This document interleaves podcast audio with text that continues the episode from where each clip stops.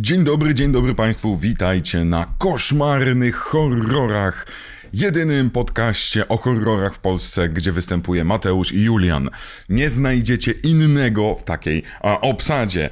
Mateusz Działowski, e, gospoda RPG, Julian Jeliński, Brody z kosmosu. Omawiamy dla Was stare, nowe, ciekawe, dziwne horrory, wyszukujemy ciekawostki. I tym razem Mateusz wybrał tytuł, wybrał Egzorcystę. Nie jeden, nie dwa, nie początek, nie rebis bodajże się nazywa, to czy tam ri coś tam, o Egzorcystę 3 albo dche Egzorcystę 3. Skąd Tak. taki wybór, panie Mateuszu? Bo to jest jeden z najlepszych filmów ever. To jest film, który powinien uczyć ludzi, jak powinno się straszyć, jak powinno się budować grozę. I jeżeli ktoś mówi, o, tylko Azjaci potrafią zrobić tak, że się dziwnie czujesz przez pół filmu. Otóż nie, moi drodzy, Egzorcysta 3, który bardzo słusznie omija dwójkę, tak jakby nigdy nie powstała i robi to 100 razy lepiej i ba, jestem w stanie powiedzieć, że lepiej niż jedynka. Aż, aż gwiznąłem w mikrofon, to są, proszę państwa, usłyszeli to państwo dzisiaj po raz pierwszy, że je, nie, dla wielu najlepszy horror w historii kina właśnie został zjechany, że nie jest to ten najlepszy, to są mocne bardzo słowa. Problem Trójka, z Egzorcystą no. jedynką u mnie jest taki, że ja go widziałem stosunkowo późno. Widziałem go po całej fali innych filmów, które powinienem zobaczyć zdecydowanie później, ale u mnie była jakaś taka zaburzona kolejność. Kojarzyłem strzępki Egzorcysty Mhm. i jakoś tam pi razy drzwi sobie umiejętnie pouzupełniałem i chyba nawet czytałem książkę y, wcześniej. Więc no, nie zrobił na mnie aż takiego wrażenia, aczkolwiek rozumiem i szanuję wszystkich, którzy są przerażeni tym filmem. Do tej pory robiąc jakikolwiek materiał daję disclaimer, uwaga, za chwilę będzie egzorcysta, bo wiem, że to się wyryło w pamięci ludzi. To jest ciekawe. No ja, ja miałem okazję, we Wrocławiu mieliśmy kiedyś noc horrorów klasycznych i był, właśnie zaczynała się egzorcystą. E, sprzedało się biletów bodajże 10 na cały seans, na ogromne kino. Naprawdę? Naprawdę. I za mną Dla siedziała... samego usłyszenia Mike'a Oldfielda bym tam poszedł. No właśnie, no te, bo tam był, tam nie, nie przypomnę sobie co jeszcze było. Chyba było Lśnienie, oryginalne Kubricka i coś jeszcze, więc w ogóle wybór cudowny. Za mną siedziała parka. Myślałem, że parka na początku, bo facet stary, no przecież przychodzą dwie osoby, myślę, że to parka, no bo jest ciemno, ale z, z, ze względu na to, że dyskutowali, to zrozumiałem, że to był tata, który zabrał swoją córkę, żeby pokazać jej egzorcystę po raz pierwszy. O. Córka miała koło 18 lat, a może troszeczkę więcej, facet tak po Nice. 40. No i było to urocze. Tyle, że e, jedno z nich zasnęło podczas tego filmu i ja słyszałem to takie delikatne pokrapywanie i było mi trochę smutno. Oj, oj, oj, oj. Ale nie było złośliwe zaśnięcie, więc nie miałem, nie obracałem się do To jest tyłu. nocny maraton, ma swoje Tak, plusy i minusy. zaczął się o 22, więc wtedy obejrzałem go i chciałem spróbować zrozumieć odczucia, to co ty mówisz, prawda? Ten taki efekt, ale niestety w kinie, w multikinie i tak dalej. Nie czułem tego. Nie Mhm. czułem tego, niestety. Myślałem, że będzie całkiem inaczej niż w domu w telewizorze, ale wydaje mi się, że ten film lepiej na mnie przynajmniej działał w domu, w małym pokoju, ciemno i tak dalej. Ta Tak. wielka sala wcale nie sprawiła, że ten dźwięk, wiecie, dopiero dzisiaj moim zdaniem ten dźwięk potrafi tak cudownie operować, że, że cię oszukuje w kinie. Wtedy Mhm, on ilością głośników i tak, Tak, tak, dalej. tak. To jest jedna rzecz, a druga rzecz jest taka, że są takie, jest taki zbiór filmów, które idealnie sprawdzają się właśnie do oglądania w domu. I Dziecko Rozmary, Mhm. dobry przykład. Egzorcysta, który głównie dzieje się w jednym miejscu i jest to domek Regan. Mhm. Proszę bardzo. Halloween pierwsze. Jest idealne, jak zerkasz sobie za okno, albo zostawiasz sobie, to zdaje się, że mówił Angry Video Game Nerd, że jak lecą napisy końcowe i jest muzyka, to tak sobie zerknąć przez okno, jeżeli się mieszka na parterze. To jest taki, mm, co, coś tam może stać, jakiś kształt, hehe. No, łatwo go zauważyć. No ja miałem tak, że dla mnie takim filmem też jest Blair Witch Project, które oglądałem, przy- ja mieszkałem wtedy jeszcze przy cmentarzu e, i Jej. miałem za sobą lasek i cmentarz, więc miałem dokładnie okienko za sobą i nie dałem, nie wytrzymałem oglądać całego filmu przy zgaszonym świetle, musiałem gdzieś tak w połowie, chociażby zapalić światło, bo już była noc, sam, te dźwięki tak czy siak miałem za sobą lasu, bo tam jakiś tu lisek, tu coś tam, Mm-mm. Bardzo chętnie kiedyś omówię Blair Witch, bo po prostu ten Kiedyś film to jest... trzeba. Oj, oj, oj, oj. Trzeba, Ale nowy, trzeba. nie? Weźmy, nie, ja nowego nie widziałem, ja się cieszę tak bardzo, że, ja jest, ja lubię, lubię, lubię niektórych rzeczy nie widzieć, to jest bardzo, e, bardzo dobra rzecz. Swoją drogą, dla wszystkich was słuchających i oglądających, robiąc research do tego filmu, zauważyłem, że już oficjalnie w preprodukcji jest Egzorcysta, remake, który ma wyjść w 2023 roku, zatem jeżeli lubicie narzekać, jak to niszczą wam marzenia, niszczą wam dzieciństwo, no to za dwa lata będziecie mieli kolejną a, okazję ku temu. Doskonale. Ja, jakby po prostu brakuje mi remake'ów. E, teraz będziemy mieli Candymana. E, Ale to nie, to nie jest remake. Co mi się podoba? Szczerze mówiąc, podoba mi się to, bo gdyby to był taki stricte remake, to. Mhm. Mm, no, proszę cię, Blair Witch też nie jest stricte remake'iem e, nowy. No Bo- nie jest. Właśnie, tak, masz rację, Tak masz samo rację. jak e, Blair Witch Book of Shadows e, nie jest stricte filmem w ogóle. To właśnie powiedzieć, że nie wiem, co, czym, czy, czy jak to nazwiesz, ale my tutaj oczywiście podcast Dygresja was Podcast, pozdrawia. Em, ale em, Egzorcysta 1990 rok, szybciutko fabuła i będziemy wgłębiać się w ten ciekawy bardzo film. Po pierwsze, za scenariusz odpowiada Peter William Blake, Blatty, Blatty, przepraszam. Blatty, Blatty, Boże, Chyba, były A, ty, tak. ty, Y, zawsze mam problem z wymową, najgorzej. Facet, który napisał scenariusz do pierwszego Egzorcysty, który wcześniej był scenarzystą, uwaga, uwaga, komediowym i pisał komedię i sam się y, w jakimś wywiadzie powiedział, po tym, gdy już te dwa filmy były za nim, że on się uważa za e, pisarza komediowego, więc to w ogóle wow. E, I to jest Film, który opowiada 15 lat po wydarzeniach z Egzorcysty pierwszego, e, dwójka bohaterów, których znamy z tego filmu, czyli pan Bill, e, po, porucznik, lieutenant Bill, tak, em, e, porucznik Bill i jeden z, z księży, którego tylko na chwilkę widzieliśmy w tym filmie, dalej niejako cierpią e, troszeczkę przez tę spuściznę tego wydarzenia i zaczyna się coś dziwnego dziać w tym miasteczku wokół tego Georgetown. Zaczynają się morderstwa, które zaczyna, y, mocno wpływają na naszego porucznika Billa i okazuje się, że to, co było w Reagan wcale nie do końca umarło, a może to jest coś całkiem innego. A to się przekonamy dopiero na końcu. Uuu. Film ma Manga. 50 wersji. Mamy opcję albo czytać stare scenariusze, które są dostępne. Mamy opcję obejrzeć wersję Director's Cut, która nie jest jakoś wyjątkowo dobrze dostępna, aczkolwiek na YouTubie znajdziemy kilka wyciętych scen. I zdaniem wielu osób wersja reżyserska jest o dziwo gorsza. Tak, to jest przez ciekawa rzecz. zakończenie. I to mnie bardzo zaskoczyło. E, To znaczy, sama ta opinia, bo e, kojarzę, jak się kończy wersja reżyserska, i mam wrażenie, że ona po prostu użyna zbyt dużo w kontekście całego świata i odbiera kilka elementów, które ten film bronią. Ale dobrze, że wspomniałeś, że mm, pan, który napisał to, to w ogóle jest cudowne, bo on miał tylko napisać. Najpierw napisał książkę Legion. Tak. Książka Legion została przerobiona na scenariusz i reżyserem miał być Carpenter. Jeszcze wcześniej Friedkin, jeszcze e, na samiutkim, na samiutkim początku, czyli reżyser oryginału, który miał to w dupie. Potem Carpenter, tak. który stwierdził, że panie Blatty, czy Bl- Bl- Blatty chyba, e, panie Blatty, no za bardzo się pan rządzisz. To jest ta wersja niekulturalna, tak. Wersja tak. kulturalna jest taka, że wyczuł, jak bardzo pan Blatty Mhm. chce sam wyreżyserować i mu to użyczył. Oczywiście, że tak. To wcale nie było, e, panie Carpenter, słuchaj pan, ja tu chcę, żeby No. to było śmieszniej. A Carpenter, nie, nie, nie, ja tam wejdę w swetrze. Mm, To tak nie będzie.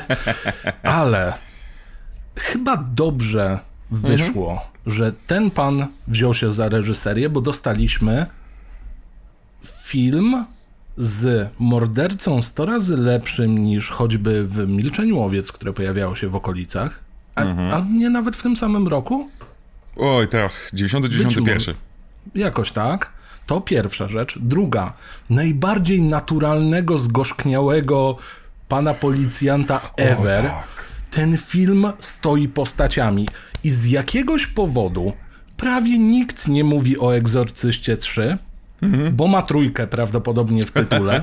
I e, przy, ciężko byłoby jakkolwiek przyćmić efekt oryginału, ale to jest dobrze zagrany film, gdzie nie masz kompletnie co chwilę o, jasne, są jumpscary, ale te jumpscary nie są tak nachalne To nawet nie zazwyczaj. są jumpscary w sensie, no tam na, na, no, nie mają tego elementu muzycznego, tego wprowadzenia. Jasne. To niby są, to, ja bym nazwał to skerami nawet. po prostu skery. Masz za mało takich rzeczy, które nie masz tego elementu Scooby-Doo na przykład, że o, ciekawe czy to ten. O, a ten wygląda Tak. masa red herringów i tak dalej. Nie, nie masz tego. Ani troszeczkę to jest nie masz. po prostu dziwne. Nie masz pokazywania ciał, żeby robić efekt szoku. Wszystko musi składać sobie widz, wyobrażać, co tam się w ogóle działo. Miejsca zbrodni są pokazywane na takich establishing shotach, że ty Super. sobie samemu musisz pozbierać wskazówki i masz obraz tego, co się stało. I aktorsko, i scenariuszowo to jest wow. Jeżeli ktokolwiek oglądał 7, to jest ten film, tylko trochę na sterydach. I od samego początku mamy takie wrażenie. Bardzo podobny, jakiś taki biblijny, trochę oniryczny wątek, tylko tutaj mamy bliźniaczego zabójcę Gemini Killer. Oczywiście Zodiak się musiał pojawić, chociaż raz wspomniany. Natomiast, no, wow, wow. Ja po dziś No dzień jestem w szoku. Przypominałem sobie to teraz. Ja No. jestem rocznik 9.2, więc dwa lata ten film śmigał, zanim ja się w ogóle urodziłem. Jak go obejrzałem wtedy, to byłem w szoku, że to jest w ogóle kontynuacja. Byłem Mhm. święcie przekonany, bo ten film można śmiało oglądać nie znając oryginału. Tak, co więcej, producenci, a ci producenci, producenci nie chcieli, bo producenci martwili się o pieniążki. E, pan reżyser bardzo chciał, żeby ten film nazywał się Legion, żeby nie nazywał się Egzorcyzm, bo w książce i w oryginalnych scenariuszach nie ma żadnej sceny egzorcyzmu. Więc jest to sequel, który rozwija świat, a który nie jest tym samym. Tyle, że producenci powiedzieli, nikt nie pójdzie do kina, a nie wiem, czy o dziwo to nie jest na odwrót, że nie poszli do kina właśnie, bo było trójka z Tak przodu. właśnie mi się wydaje, więc jest to film, który jest klęską urodzaju. Ktoś za bardzo chciał, mieli zbyt dobry materiał źródłowy i zbyt dobry film im wyszedł, ale został przykryty płaszczykiem. Hej, wiecie, że to już trzecia część po tym Mhm. okropnym wysyrywie drugim? I'm Pazuzu. Ej, kiedyś, kiedyś chciałbym z chęcią do tego filmu wrócić. Jasne, i wtedy pewnie będę go kochał, ale teraz z perspektywy, No właśnie, wiesz, omawiamy trójkę, nie cierpię dwójki. Ja rozumiem, dlaczego oni ją zignorowali. E, to ja kiedyś będę. To nie znaczy, że to jest dobry film. Ale podoba mi się troszeczkę, bo, bo o dziwo, dwójka też jest filmem, gdzie reżyser Też dwójki. jest filmem. Tak, obrazki się Kropka, ruszają. dziękuję. Gdzie reżyser nienawidził jedynki, twierdził, że jedynka nie jest straszna, więc dogadalibyście się. Chciał zrobić coś całkiem innego e, i fakt, nie, nie, no, trzeba przyznać, zrobił coś całkiem innego. To, że jest tam sporo mistycyzmu, dziwactwa, szarańcza lata, jest y, światełka, które są jakiś pokój z luster. Tam, no, przynajmniej co jak co, ten film jest artystyczny. Może Oj, jest tak. artystyczną porażką, ale jest artystyczny. A co do twoich tych peanów, Suspiria ja, też jest artystyczna, ale ma klimat. to może to jest taka Suspiria, tylko że po amerykańsku bardziej, you know? Kiedyś Ja do tego na pewno wrócimy. Goblin, wiesz? Na pewno, na pewno wrócimy. A ja, ni, nim, nim, kurczę, chciałem po, Nimrod, Nimrod, nie. Mhm. Goblin? Nie. Nie umiem powiedzieć Goblin do tyłu, chciałem powiedzieć miasto Goblin, to jest... Goblin. Ni- Nilbog. Nilbog, tak się nazywa miasto z, z, z Trolla 2. Boże, za trudne dla mnie. Ale ja będę troszeczkę starał się przynajmniej twój super hiper zapał i entuzjazm minimalnie chociaż oszczudzić, oszczudzić. A, mm, zobacz, to będzie rzeczywiście ciężkie, bo widzę po pierwsze chyba najwięcej energii u Mateusza, jak widziałem kiedykolwiek na tym podcaście, Ej, zaraz, omawialiśmy Hellraisera. ale wtedy, mm, no może, ale nie wiem, Po może dzisiaj piję tak... kawę i mam zamknięty balkon. Ja się tutaj roztapiam. Widzisz, trzeba było kupić sobie Miller, brzy, brzy. Moja tolerancja laktozy by totalnie ci podziękowała. E, żeby nie było, ja też będę miał po tym, e, dygresja podcast będzie, będzie źle, ale to jest limitowane o smaku białej czekolady i lodów, wow. Niam, Czyli niam, cukier. Mm, A, cukier. Zastanów się, dlaczego tak mam oczy dziwne. Tak. Okej, Ci, spoko, którzy oglądają. Ale kawa już wypita. E, zatem, w każdym razie, początek tego filmu, faktycznie, zaczynamy 15 lat później i już początek jest jedną, to co powiedziałeś, nie epatuje niczym, nie mamy pokazania żadnej śmierci, nie mamy pokazania żadnego wydarzenia, mamy bardzo dużo ujęć, które troszeczkę są takimi establishing shotami ogól, bardzo ogólnymi. Widzimy chłopca jakiegoś w koszulce, czarnego chłopca w koszulce, widzimy białą różę, widzimy kościół, kościele się, w kościele się drzwi otwierają. Mnóstwo tego typu ujęć, które mają zbudow- nie mają zrobić nic więcej poza zbudowaniem tak zwanego mooda. To jest takie intro około 5-minutowe, wprowadzające nas w ten świat. Co więcej, wraca muzyka z jedynki na chwilkę, tu, tu, bardzo dobrze, i te drzwi, i te schody wracają.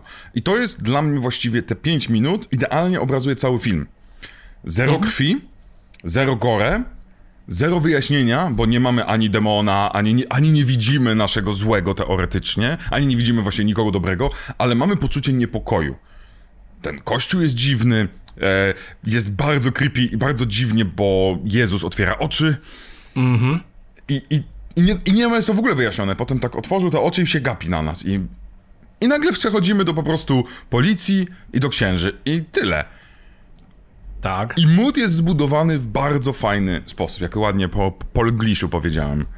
Tak, i y, chciałem zaznaczyć, że to jest jeden z niewielu elementów i momentów, gdzie w ogóle usłyszymy jakąkolwiek muzykę, bo ten film nie narzuca się, nie robi montażu pod muzykę, nie robi jakichś takich efekciarskich pierdół, które mają być tylko po to, żeby narzucać tempo akcji. Nie, ten film jest paradoksalnie dość powolny i nie wiem na ile ma odpowiadać y, temu, jakim charakterem jest pan y, Kinderman, jeżeli dobrze pamiętam, Bill Kinderman, czyli nasz y, policjant. Starszy koleś, który już na pewno wiele widział, ma za sobą bardzo ciężką sprawę tego naszego zabójcy i jego przyjacielem jest ksiądz. I zaczyna się prawdopodobnie najlepsze buddy comedy movie. Oni są tak doskonali. Obaj. Ale dlaczego? Bo, tu jest, bo tutaj mamy to, co e, po pierwsze, komedia w tym sensie, że umiemy, to są najlepsze dialogi o niczym, jakie powinny być, żeby robić character building. Nasz Kinderman opowiada o tym, dlaczego nie może wrócić do domu, ponieważ w domu jego e, teściowa chce zabić rybę, w sensie chce zrobić karpia, ale żeby, żeby duchów złych nie było, to ona musi go trzymać kilka dni w wannie. I on opowiada to kamera coraz na bardzo powolnym zbliżeniu, kamera zbliża się do dwóch bohaterów, którzy są koło siebie, gdzie George C. Scott, znakomity w tej roli swoją drogą, powolutku, niesamowicie powoli opowiada historię, która jest tak naprawdę, my możemy ją powiedzieć jako taki, taki żart, no nie? Jako taki, no, no. no i ta teściowa, ja nie mogę wrócić do domu, bo go zabiję. Trzy sekundy. Tam to zajmuje półtora minuty, ksiądz jest wkręcony, ty jesteś wkręcony i dopiero na końcu zauważasz, że to jest taki bardzo suchy żart, bo ich sposób komunikacji jest sarkastyczny, ale ukrywa taką przyjaźń, która jest właśnie taką bardzo męską przyjaźń, która jest oparta na trochę bluzganiu siebie, ale nie tak jak dzisiaj ty kutasie, tylko eh, takim bardziej kuksańcu. Zresztą... Ale to jest cudowne, puenta całej tej historii. Zauważyłeś, że stoimy bardzo blisko siebie? Czujesz to? Od trzech dni nie byłem w wannie. To jest tak cudowna puenta tej sceny. I to samo z wyjściem do kina, to samo absolutnie później ksiądz rozmawiający o ulubionych filmach. Jakie to jest złoto! Tak, ksiądz, ten- który no. po prostu mówi, że ja, że ulubiony film tam Mucha. I ty tak... Mucha? Ale o co Serio? chodzi? A potem? Serio? Czekaj, czy ty nie grałeś w dwójce? Grał w dwójce dwa lata wcześniej. Nie wiem, czy to było celowe, ale sam fakt, że wybór filmu nie był e, cierpienia Jezusa, coś, tylko jest czymś takim bardzo, co my możemy skumać.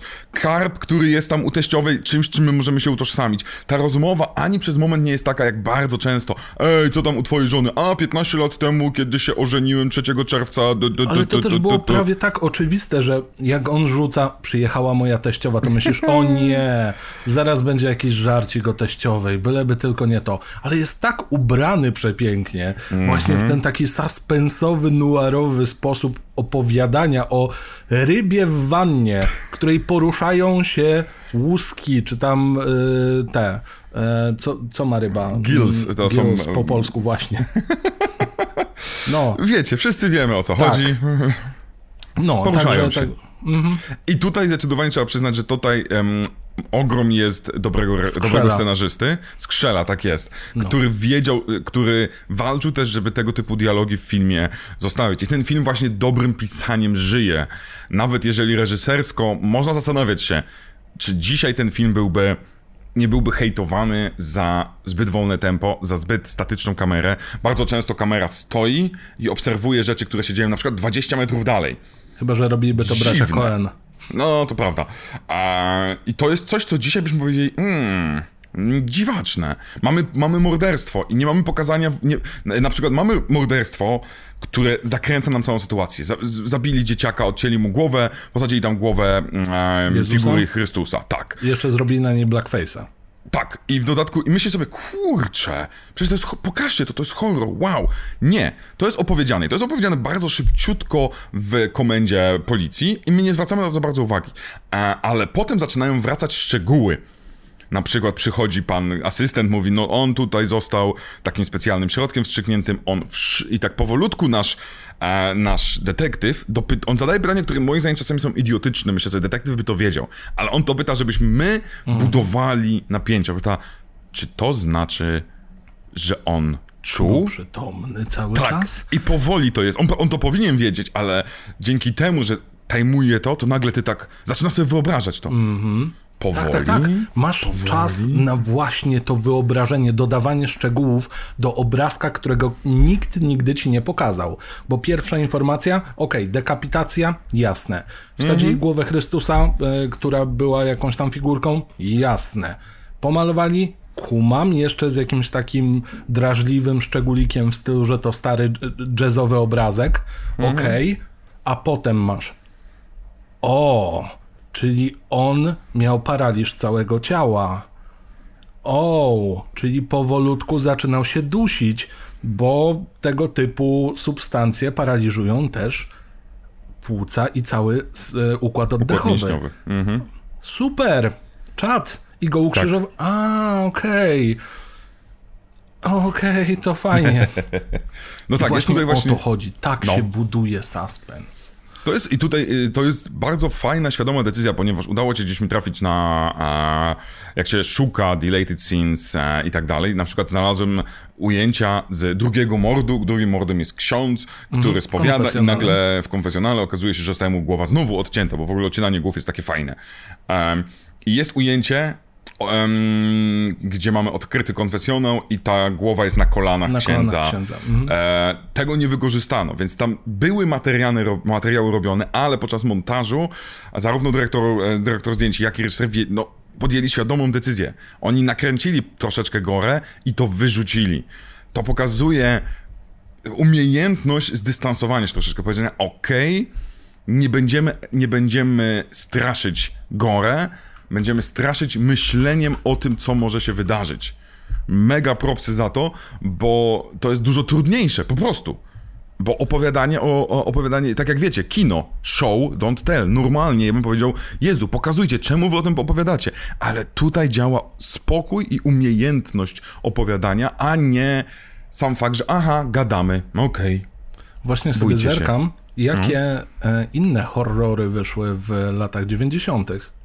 No 90, 90 to jest, pamiętaj, to jest wciąż 80, ale tam. No jasne, jasne, ale tutaj mamy co? Drabinę Jakubową. A 90 czy 90? 90. A, okej, okay, okej, okay, dobra, dobra, no. Drabina Jakubowa, Misery. O, Misery było, popatrz. Arachnofobia. Świetny film. Wstrząsy. Kocham. Też kocham, no widzicie I to Kinga. O Jezu. Mogliśmy zrobić. Y, powrót Laleczki Czaki i Gremliny 2. Wszystkie filmy praktycznie z tej listy kocham. No, więc... więc wygląda na to, że lata 90. miały jakiś taki moment oddechu. Dziwny moment oddechu, który chyba mi się bardzo podoba, bo jak tak zerkam jeszcze niżej, Puppet Master 2, wspaniały film. Super. No, co my tu Ale to są, dalej? pamiętaj, dla mnie to będą lata 80., to będą ostatnie oddechy lat no 80. Tak. No jasne. A, więc, więc, yy, bo wiem, że chcemy tutaj troszeczkę, Boże, uniewinnić lata 90. za najgorszą dekadę nie, horrorów, wiesz, ale nie. Sprawa jest taka, że szukałem jakiegoś takiego wzorca, na tej mhm. zasadzie, że to było na chwilę chociaż odejście od właśnie sypania po prostu flakami w e, kamerę, od non-stop pokazywania, o, bo tutaj ucięta ręka, a, bo tutaj odcięli głowę, więc musimy widzieć totalnie, jak jest ta głowa odcinana. O, przeciął ją w pół. W tym filmie mówią tylko, że ktoś kogoś przeciął w pół. Nie ma żadnej sceny, gdzie ktoś jest po prostu osobno kadłubkiem, a osobną mm -hmm. miednicą z nogami. Więc być może jest tu jakiś drobny pattern, ale też niekoniecznie. Nie, bo przyznam się szczerze, mm, też doszukując się, skąd mógłby wziąć swoje inspiracje e, Blad, Bladte, Blade, Blade, pan reżyser. Blade, łowca, wieczny łowca.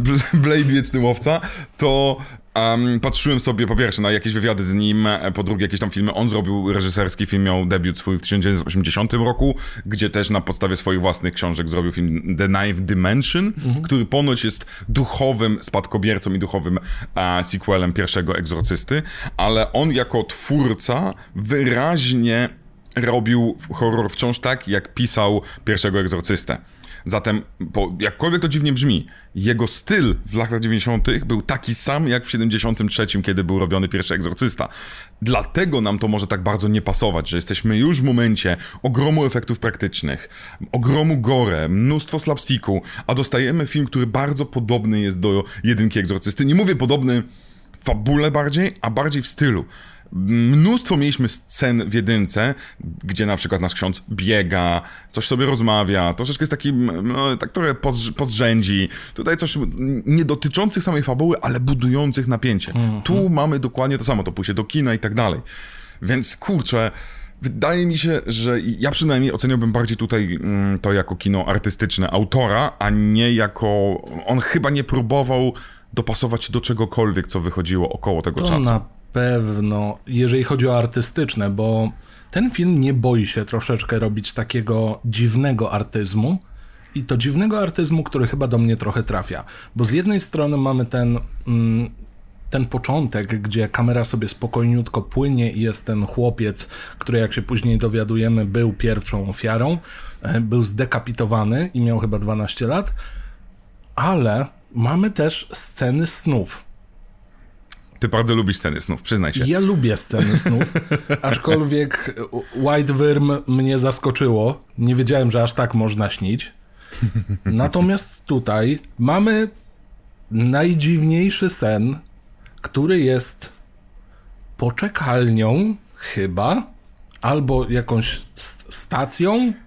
Tak, stacją peronem. Coś, coś w tym stylu. Są aniołowie i to dosłownie tacy aniołowie, jakbyśmy sobie wpisali anioł y, nieakuratny co do biblijnych opisów. Mamy aniołów każdego koloru skóry. Jeden z nich nawet kładzie tarota. Mamy młodego Samuela Ella Jacksona. Mamy modela Fabio.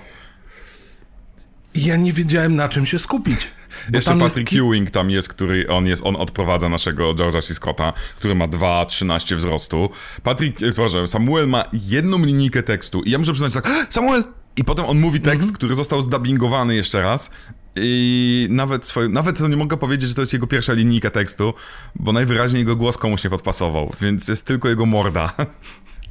I to zasłonięta okularami. Tak. Więc e, bardzo mocne cameo. Bo jest ślepy, żeby nie było, no gra tak, ślepego. Tak, tak, tak, ma, ma nawet białą laskę. E, tak. Fabio dostaje też parę sekund i ja tak, czekaj, co jest? Jakie gazety czyta ten pan, pan policjant? Tym bardziej, że śmieszkował już z gazet w tym filmie. Tak. Ale jeszcze mamy taki dziwny pomysł, który mi się strasznie spodobał. Kobieta rozmawiająca z radiem. To jest już trochę to jest przez cały film. Mhm ale wątek w ogóle tego radia to jest nie wiem, po prostu jest dla mnie cool. Nie wiem, czy to mhm. jest kwestia sentymentu, czy, czy po prostu w tym filmie wyszło napisanie scenariusza. Kropka. No bo tutaj mamy mm, mm, ten element, ta cienka granica pomiędzy wyjaśnieniem za dużo, a pomiędzy mhm. niewyjaśnieniem dość dużo. E, I udało się to zachować, bo radia, które są, słyszymy, że tutaj starsze panie albo osoby, które są w stanie katatonicznym, czyli już w ogóle warzywka, a jeżeli się budzą, to mówią o tym, że radio im nie działa, e, przez radio dość do nich mówi, przez radio do nich Warto mówią stare też by e, zaznaczyć trupy. w ogóle, że w bardzo fajny sposób przenosimy się do szpitala. To nie jest coś w stylu, że hej, wiecie, od teraz szpital będzie po prostu głównym miejscem. Mhm. Nie. Kumpel odwiedza kumpla w szpitalu, i nagle zaczyna się coś dziać. I nagle zaczyna to wszystko mieć sens, żeby tutaj spędzić więcej czasu, sprawdzać osoby, które są tutaj podopiecznymi i prawdopodobnie najbardziej nieporadną pielęgniarkę, którą później Hideo Kojima e, mógłby wykorzystać w swoim Silent Hillu, ale no to takie To przejdziemy do tego, tak mrugnięcie, siak. mrugnięcie oczkiem dla graczy. Team Silent na pewno widział ten film. Jestem prawie pewien. Ale, ale wracając, jesteśmy w tym szpitalu. I ten szpital jest pełen ciekawych charakterów. Mamy siostrę, która absolutnie, absolutnie jest taką, ona się chyba sama nazywa. E, E, być, było? coś tam być. Ona właśnie Tak, była, tak, tak. Do, jesteś do, dobrą siostrą. Nie, jestem wredną suką. No, Dokładnie I to sam idea, tak jakby w tym momencie dała widzom swoją wizytówkę. Zgadzamy się w pełni, dobrze, że pani jest tego świadoma, ale potrafi być miła, kiedy powinna być miła. Więc mamy to. Mamy oddział dla osób, które są, to jest określane jako stan katatoniczny. Więc mamy tam pełno ludzi, którzy mieszają powietrze, którzy gdzieś tam sobie chodzą albo gadają sami do siebie. No jasne, to nigdy nie jest powód do śmiania się, ale w myśl takiego e, może trochę Lovecraftowego pojmowania, ci ludzie są niepokojący. Są niepokojący. Widzą rzeczy, mówią o rzeczach, których nie ma Tak. i tak dalej, i tak dalej. No więc musimy tam iść, bo ten film stawia na atmosferę. I mamy kobiety starsze, które na przykład mówią: O, ma pan taką przyjazną twarz. O, poradzi sobie pan. Czy to pan naprawia radia? I w tym momencie taki moment, okej, czyli, czyli ona jest trochę oderwana od rzeczywistości. I ten żart z telefonem. Super żart, super, To oczywiście. jest super żart, który cię śmieszy, ale to nie jest takie, że łamie scenę, tylko jest takie, że o, o, czyli da się zażartować w filmie grozy, nie łamiąc kompletnie klimatu. No. Ponieważ pani udaje, że podaje radio, on mówi, tak, widzę to radio, a ona, o, wiedziałem, że nie jest pan, panem od naprawy radia, bo podaje telefon. Takie, o, I ona o, to wow. nawet nie mówi, że, że, że ona mówi, że nie odróżnia pan telefonu Tak. Mhm. od radia. Więc to nawet nie jest tak, że oszukałeś mnie, e, nie, nie widziałeś tego, tylko że widzisz, ale nie znasz się. Więc jest to zachowanie strony- konwencji troszeczkę takiej, że ona wciąż powinniśmy wierzy. pamiętać, że w tym filmie radia są telefonami. No, no właśnie, to jest też inna sprawa. Ale to, co jest tutaj, dlaczego mówię o tej granicy, że nigdzie nie jest powiedziane, że nasz, nasz legion, bo powiedzmy, że złoczyńcą w tym filmie jest legion, cokolwiek to znaczy. To jest chyba najogólniejsze powiedzenie. Nigdzie nie jest powiedziane, w jaki sposób ów legion komunikuje się i sprawia, że inne osoby są opętane, bo mamy opętania. Ale sugestie takie, że to właśnie starsze osoby, radio i tak dalej, są rozsypane przez cały film. Nawet pojawiają się typu jakaś babka mówi, nie, mówi do radia, nie, nie mogę tego zrobić, coś tam, coś tam. I to jest zostane, zostaje rzucone i po prostu jest. Nic się z tą babką nie dzieje, ale my już jesteśmy tacy, że patrzymy na nią tak, ej, ej. Druga rzecz, że film przyzwyczaił nas do tego, że będzie pokazywał sceny, które niekoniecznie cokolwiek znaczą. Więc mamy rozmytą uwagę. Tutaj możemy sobie cedzić, czy to nas zainteresowało, czy to nas nie zainteresowało, czy to był potencjalny jakiś tam element wskazówkowy. Wiemy, nie wiemy, nie jesteśmy pewni. Niepokój. Natomiast e, to nie tak, że Legion od samego początku jest No ja naszym... naszym, wielkim złym. Bo przypominam, że do tej pory to jest cały czas thriller. To jest film o sprawie z zagrobu, o, o gdzie poszukiwaniu mordercy ma- o masowego. poszukiwaniu mordercy, który został stracony na krześle elektrycznym 15 lat temu. Więc jakim cudem znajduje się ktoś, kto zabija w dokładnie taki sposób i to taki sposób, który policja utajniła? Bo Mhm. jest tam taki myk, wiecie, policja czasem potrafi podać na przykład do prasy e, Błędne jakieś informacje. błędne informacje, modus operandi, nieco inny od tego, jakie jest faktyczne, żeby odcedzić e, osoby, które chcą po prostu się zgłosić i zdobyć fame tego mordercy. I właśnie oni tak robią, że o, znak tam zodiakalny, bliźniąt wyryty na plecach i brakujący przedostatni palec u dłoni. Tak naprawdę chodzi o to, że na lewej dłoni pojawiał się symbol bliźniąt i palec wskazujący był odcinany Prawej. prawej. I, Bo w gazetach było, że lewej. i okazuje się, że jest ktoś, kto to wie. Oczywiście, że tak. Oczywiście, że w szpitalu. Oczywiście, że w izolatce. Oczywiście, że ten koleś z The Walking Dead jest notorycznym palaczem, który łazi i po prostu kompletnie nie zastanawiamy się, co jest z nim nie tak. Oczywiście, że nie. Ale swoją ogóle- drogą to jest fajne, że ten film, bo ja, ja mówimy, mówię Legion, ponieważ to jest najlepsza odpowiedź, jeżeli miałbyś już zakończenie filmu. Faktycznie od samego początku nie wiemy, nie roz, raczej domyślamy się, o duch, demon, bo, bo, bo mamy tytuł egzorcysta, prawda? A, ale tak naprawdę dopiero w około 40-50 minuty nagle dostajemy pierwsze ujęcie em, naszego mordercy, który, który tutaj jest w podwójnej roli. I tutaj mamy przedstawienie e, Brada Durifa i mamy, Boże, zawsze Li, Lee Millera, nie, Jasona Millera. Jasona Millera, czyli kolesia, który grał naszego księdza w pierwszym filmie, w Egzorcyście. E, Brat, cholerny Durif. Zaraz przejdziemy do tego, bo, bo, bo żeby ludzie, którzy nie widzieli mniej więcej tą fabułę ogarnęli, bo to trzeba przyznać, że to może być jego najlepsza rola w życiu. Mimo tego, że on ma ogrom takich, ale to jest niesamowite, co on tu robi. W każdym razie e, mamy 50 minutę, dostajemy to i to nam, to, to z reguły powinno nam to albo wyjaśnić coś, albo zakręcić, a ono tak naprawdę wciąż nam nic nie wyjaśnia, bo do końca filmu nie mamy pojęcia, ile osób tak naprawdę zabił ten, który był siedzi w tej izolacji. Czy tak naprawdę nie zabił żadnej, a poprzez Legion komunikował się z innymi osobami. Te demony opętywały innych ludzi, te inne osoby zabijały tak, jak kazał im brat Durif, więc nagle, nagle sama idea opętania staje się znacznie trudną, taką bardziej straszną rzeczą, bo to nie jest zabijesz jednego po problemie, tylko jest tego mnóstwo i każdy może zabić i nie ma tego elementu, który był potem w e, Samuelem, Boże, z Denzelem Washingtonem, o, gdzie był ten przez dotyk y, potworek się O, przenosił. matko. Nie, przypo, nie przypomnę sobie tytułu. To jeden też z moich ulubionych filmów. Z jeszcze, Kub, nie, chciałem, chciałem powiedzieć z Cuba Gooding Jr., z Johnem Goodmanem. Wszystko mi się myli dzisiaj. Um, a, że jestem przez dotyk, a tutaj mamy po prostu, że to może być ktoś. Nie musi być. I, i, i sprawia to, że nagle każdy mamy wokół... zasugerowane, że skoro No. ci mają radia i to jest w niedalekiej odległości od siebie, on ma jakąś elektroniczną maszynerię tam To ma też, no. i cholera wie, czy to na przykład skoro bada elektromagnetyczne rzeczy, czy on na przykład nie potrafi robić podszeptów i nie jest tak charyzmatyczny, że potrafi omamić katatonicznych pacjentów, tego nie wiemy, bo to jest Szczególnie, że kolejny trop. mówi, tak, mówi nam, że e, katatoniczni są tak prości do opętania. Ale czy to mówi złośliwie, żartobliwie, bo jest tego typu postacią, czy mówi tak, bo po prostu to jest tak proste?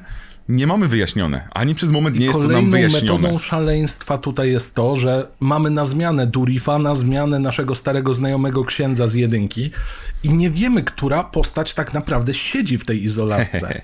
Nie jest do końca wytłumaczone. Nie, no, dla mnie jest Jedni w sensie- widzą, drudzy Wszyscy nie widzą, widzą. właściwie poza, nie, mi się wydaje, że to jest wyjaśnione akurat. I uwaga, No. to będzie moje, no, Okej. że widzimy, że wszyscy widzą, że to jest ten ksiądz, który zginął, który, zresztą w scenariuszu swoim z 88 bodajże były nawet Fabularnym sceny, być że, powinno. tak, ale teoretycznie chyba tak jest. Że to jest, bo wedle tłumaczenia Brada Durifa w tym jego dialo- dialogu, monologu, który trwa z 15 minut, wow, że on był w stanie to zapamiętać i z taką energią to powiedzieć, jest to, że on został wrzucony do ciała tego księdza i musiał odbudować komórki mózgowe niejako. To 15 jest cudowne w ogóle. Przepiękne jest to, że, on, że, że w pewnym momencie mamy, mówimy o filmie, gdzie, jest, e, gdzie są duchy, gdzie są demony, gdzie jest Bóg i tak dalej, gdzie nagle brat Durif, który teoretycznie jest złym duchem siedzącym w innym ciele, który rozmawia z demonami i szatanem. I ten facet mówi nagle, magia kurde nie istnieje. Trzeba było neuronów, e, trzeba było ciała, mięsa, a tutaj te neurony były słabe, ja musiałem je odbudować. To jest Poza tak tym, cudownie... no, bo tam jest przyziemne. e, też jest ten wątek, że właśnie ten ksiądz e, uległ wypadkowi dość poważnemu. E, I, i, I przez długi, długi czas nie oddychał, jego mózg tam e, doznał niedotlenienia i on to nazywa Tak. e, żelatyną, czy, czy, czy, czy Tak, tak, papką, jelly brain. coś w tym stylu. Jelly brain albo wet brain, coś w tym rodzaju. brain. Chyba wet No, brain, w wet każdym brain to jest, tak. Tak, To tak, jest, no bo to jest... to jest przecudowne odejście od tego, czego byśmy się spodziewali, bo brat Durif już był przeniesiony do innego ciała Tak. kilka lat wcześniej. więc spodziewalibyśmy się, no ja jestem Pazuzu, więc proszę bardzo, teleportujesz No. się, a wielka moc. Nie, koleś zostaje przeniesiony, do ciała księdza. Ksiądz wychodzi z trumny, ledwo żywy, ma pełną amnezję i jeszcze wcześniej jest nam tłumaczone, że koleś nie pamiętał nic a nic. Dopiero Mhm. po jakimś czasie zaczął bardzo szybko sobie wszystko przypominać i stał się agresywny, bo przypomniał sobie kto, znaczy nie przypomniał sobie, tylko w końcu miał pole do popisu i materiał, na którym mógł pracować. Mózg się odbudowywał. To jest tak dziwne, że tak fajne. Tak, to jest fajne, bo to jest tłumaczenie takie, że faktycznie przez 15 bitych lat ta dusza, która została zamknięta w tym ciele, tak jakby po prostu jak, jak taki malutki robotnik w rękawiczkach, brała malutkie cegiełki i układała je, żeby zbudować, albo malutkie klocki Lego, żeby zbudować ogromny mózg i faktycznie przez 15 bitych lat codziennie tą pracę wykonywała. To jest fajne, bo, bo, bo jest taką odwrotnością tego, jak myślimy o tych opętaniach, że o, jestem opętany, yy, a tutaj, no kurczę, opętałeś, to też jest tak fajnie kontra te wszystkie opętania malutkich dziewczynek, gdzie malutka dziewczynka nagle staje się Bogiem. Tylko tutaj faktycznie jest takie nawet zdanie, brat Dury wypowiada, że, mm, że, że ciało, że tylko przez ciało możemy działać, więc ciało jest key, jest kluczem. No właśnie, czyli opętam Ar- Arnolda. wtedy. Tak, opętam Arnolda, będę bardziej Arnoldowaty. O, opętam e, kogoś, kogoś słabszego, no to i ten mózg będzie słabszy, no to może być gorzej po prostu. Mogę być za głupi troszeczkę. Fajny, że jest tutaj troszeczkę takiego pozorom- Frankensteina. Właśnie wbrew pozorom, w filmie o demonologii, o, o filmie, w którym mamy wyobrażenia aniołów, jasne, to jest tylko sen i to Oczywiście. po prostu chodzi o jakąś rep- reprezentację myślową, ale demonologicznym, jakimś takim mocno zakorzenionym w wierze katolickiej. W, w filmie, gdzie wiele bardzo złych rzeczy dzieje się w kościele, nagle dostajemy tyle biologii. To, jest specyficzne. To jest bardzo specyficzne i strasznie mi się to podoba, bo zresztą tak jak ty mówisz, po raz kolejny w tym filmie dostajemy coś, czego zazwyczaj byśmy się nie spodziewali w tego typu filmie. I ten Mhm. film potrafi zaskakiwać i mimo tego, że prędzej czy później czujemy, że będzie jakaś sytuacja, w której o, wielki krzyż się gdzieś pojawi i będzie tym właśnie zbawieniem albo egzorcyzmem, co jest w tytule, to bawimy się całkiem dobrze, dostając kolejne, kolejne wskazówki, kolejne dziwne monologi, kolejne jakieś takie wieszcze teksty w stylu Brad Dourif powtarza coś, czego nie ma prawa wiedzieć. Mm, Panie Dourif, co żeś pan tu zrobił? tak, tak, więc to, to jest cudowna rzecz. Zresztą to znowu będziemy wracać do tego, że umiejętność napisania dobrego, a, dobrego scenariusza, który jest oparty też na dobrym gadaniu. Bo jeżeli na coś miałbym narzekać, no oczywiście mogę narzekać na pogoń e, autem, bo to jednak są lata końcówka 80. i ta pogoń autem w pewnym momencie, pod koniec drugiego aktu jest taka średnia. Mogę Jadą. narzekać, no jadą po prostu. Jest jedno ujęcie, zresztą mm, kilka jest ujęć z daleka i ujęcia na, na tak zwanym szerokim planie, tam nie ma George'a C. Scotta w aucie. Jeżeli ktoś ogląda, po, obejrzyjcie sobie, to jest po prostu dubler, który nawet nie ma podobnej fryzury do George'a C. Scotta. Ma krótkie włosy, nawet nie ma peruki takiej odpowiedniej, żeby było widać tą musinę. wygląda bardzo charakterystycznie. To jest człowiek, którego bardzo ciężko jest pomylić.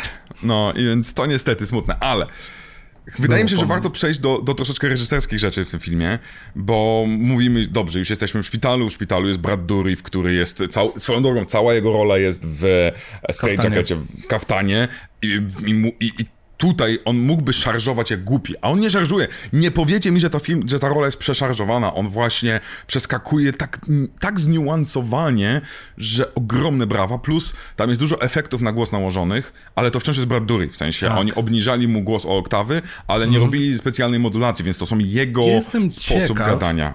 Czy Brad Dourif ma coś takiego, jak ma kilku prelegentów, których pewnie widywaliśmy? Jeżeli zabierzesz im jeden zmysł albo jedną możliwość, to nadrabia drugą. To znaczy, jeżeli Brad Dourif nie mógł skakać po całej tej izolatce, to on po prostu wszystko przełożył w swoją ekspresję i to tak podkręcił o 300 tysięcy procent. Bo energia, którą ma ten człowiek, jest zaskakująca. Jest naprawdę zaskak- zaskakująca z tego względu, że on się przełącza. I pewnie, jasne, ktoś pewnie powinien rzucić tekstem w stylu idealny Joker. No, nie oszukujmy się, no, no ja, ja, ja nie wiem w jakiej roli ja bym Brada Dourifa nie widział, no powiecie mi Jezusa, szatana, Boga, kto, co mi nie powiecie, jako, ja, ja tam go w każdej roli widzę, więc więc chęcią w Jokerze. Władcy Pierścieni, prawda? No właśnie, więc ja go w każdej roli bym widział, możecie nawet pisać jakie role, a ja będę odpisywał tak, Tak. Kylo Ren, Batman. tak. Tak. Spoko, wszystko się pasuje. E, ale to to jest istotne, mówić o tym przechodzeniu. To przechodzenie znowu jest elementem, który nie jest do końca wyjaśniony.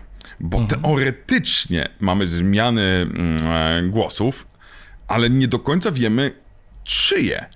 Mamy przez moment głos oczywiście naszego starszego pana księdza, e, czasami się pojawia jego mordka, bo mamy głos Brada Durifa, mamy kilka różnych wersji tego głosu, czasami to jest głos bardzo, ja, bardzo cienki, bardzo, e, bardzo wysoki, czasem przez moment śpiewa i nigdzie nie jest to wyjaśnione, więc mamy tylko budowanie. Jest nawet moment, to- w którym słyszymy dwa głosy naraz. tak, tak, no właśnie. I czasami, i to jest celowo zrobione, że, że słyszymy to, jakby, jakby coś, jakby tam było w tym ciele wiele rzeczy, ale nigdy ten legion, w cudzysłowie, nie jest eksplicyte wyjaśniony. Kim jest, czym jest, dlaczego jest i tak dalej.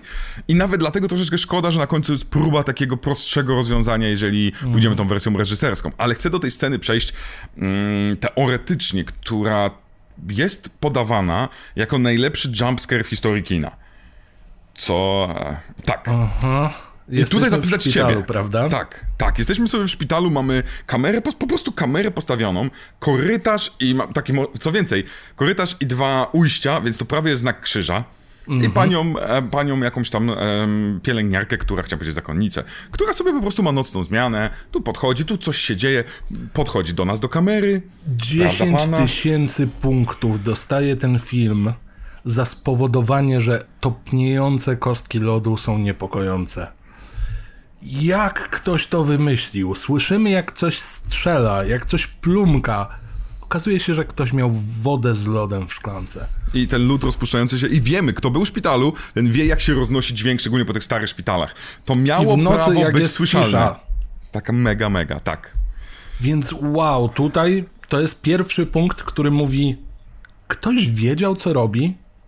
Ktoś tutaj tak konwencję wziął i wykręcił, że wow, to nie jest kot z szafy.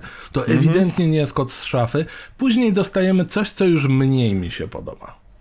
Poczekaj, bo Dostaje- mamy jeszcze, bo, o, bo wtedy, wtedy dostajemy teoretycznie jumpscare. Ona jest, ona, ona przychodzi, mamy kamera wchodzi za nią, widzimy te kostki i nagle widzimy, że ta kostka się minimalnie roztapia. Jest, jest kolejny dźwięk, który jest za głośny dla nas i w tym momencie jest jumpscare kogoś, który śpi jakiegoś tam zwykłego. Właśnie to mi się nie podobało. I okej, ja rozumiem o co chodzi, ale poczekaj, bo to nie jest ten jumpscare. I my w tym momencie, e, nauczeni w 90 roku, jak działają jumpscary, w naszym, w naszym mózgu jest tak, że albo to był jumpscare i przechodzimy i scena jest dalej, albo ona wyjdzie z pokoju i zostanie zamordowana. Wychodzi z pokoju, zamyka drzwi. Bo właśnie tego byśmy się spodziewali. I Tak. tutaj ja jestem zły na ten jumpscare, bo on mnie wkurza jako taki najbardziej prosty. Koleś, który totalnie nie wygląda na śpiącego, oburza się, że go obudzili. Ale mamy schemat. Ale on jest potrzebny. O, bez On jest- niego jasne. to, co byłoby na końcu, nie zadziałałoby. I to mnie też wkurza, bo on jest w stanie mnie trochę przechytrzyć. No właśnie. Przez to, że było jakieś tam ziarenko niepokoju. Wchodzimy, jest wytłumaczenie skąd dźwięk, bum, mamy jumpscare. Spodziewamy się, że może się coś jeszcze stać, bo przecież mamy dwuetapowe jumpscary czasem. Ona wychodzi, wraca sobie pod tę swoją ladę. Tak. Zaraz. Ale scena się nie kończy. Kamera wciąż stoi. Kamera wciąż stoi i czeka, a ty czekasz dalej. Zaraz, no Tak. to co tu jeszcze się może stać? I wchodzi policjant, który coś tam z nią rozmawia. I to my nawet nie do końca to słyszymy. E, nagle ona słyszy, znowu słyszymy dźwięki z tego samego korytarza, tylko tym razem z innego pokoju. E, z tym razem z pokoju tego, gdzie zginął przedtem ktoś tam. E, I ona słyszy to też, ale jednocześnie rozmawia z policjantem. Wychodzi, w tym samym czasie widzimy, że do policjanta jakiś ziomek podchodzi.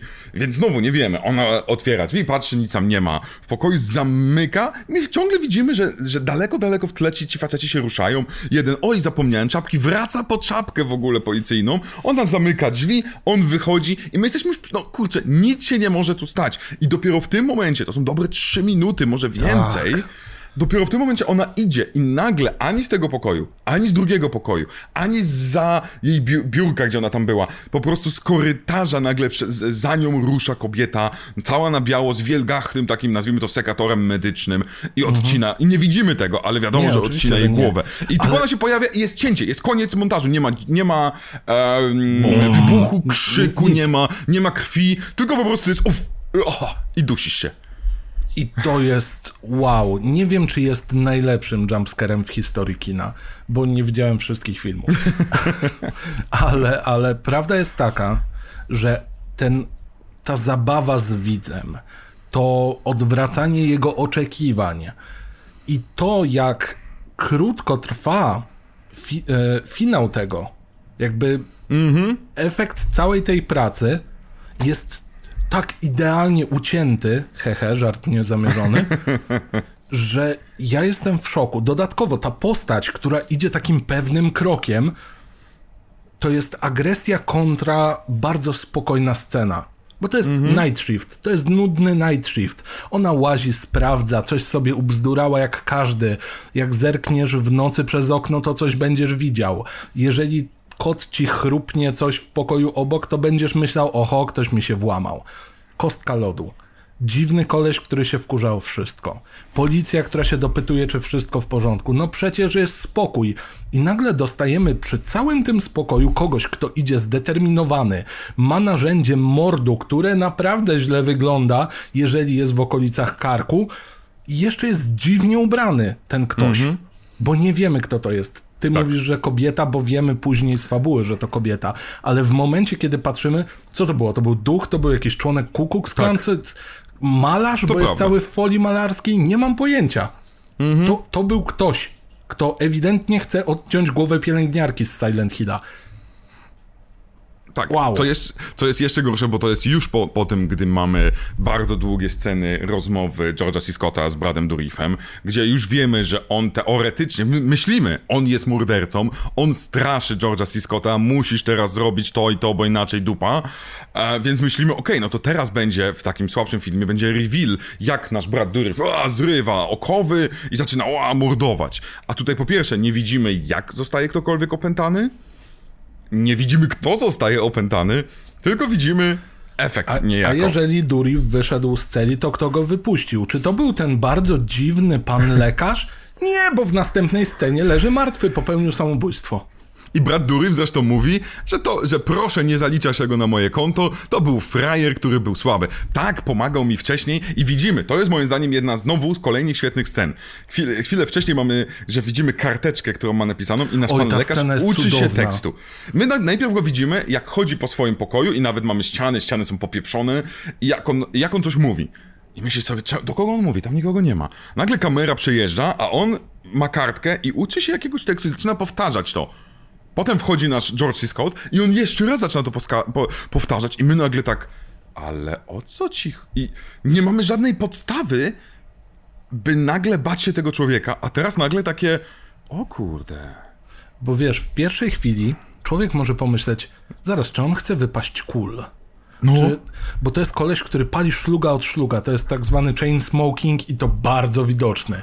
I jeszcze z taką dziwną manierą trzyma tego papierosa, co mnie doprowadzało do szału. Ale patrzę i zaczynam się zastanawiać, okej, czy on będzie próbował jakoś, nie wiem, napisać książkę o tym, bo on wygląda trochę na takiego śliskiego typa cwaniaczka. Czy on próbuje po prostu samemu wyjść na kozaka, czy o co chodzi?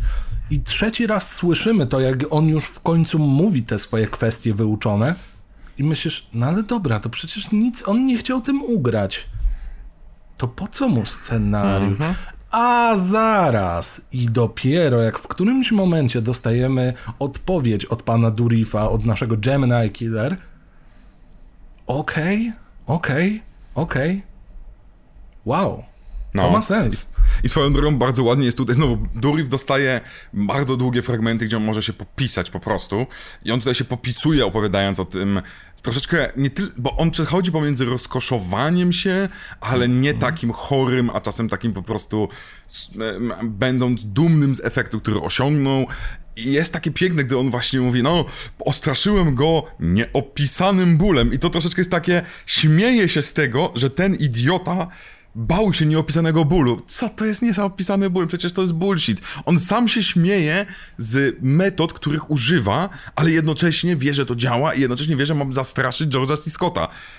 To jest bardzo, bardzo wielowarstwowe. Tym bardziej, wow. że on ma jeszcze dodatkową misję, bo e, właśnie nasz Kinderman jest osobą niewierzącą. Jest cynikiem. I jeżeli chcę powiedzieć o krytyce filmu, dla mnie brakuje troszeczkę więcej scen, które by to unaoczniły. Tak, bo my, my to wiemy, bo, bo pada to z ust Brada Durifa i potem mamy na końcu obrócenie, ale, Mamy wcześniej Wolałbym- też rozmowę o tym ale ta rozmowa jest taka... między księdzem. No, ale ta ja rozmowa wydaje się taka ciki, no nie? Dla mnie ona była ciki, że to bardziej było takie żartobliwe, bo z tej rozmowy mogło wynikać, że ksiądz też nie wierzy, jeżeli mam być szczery.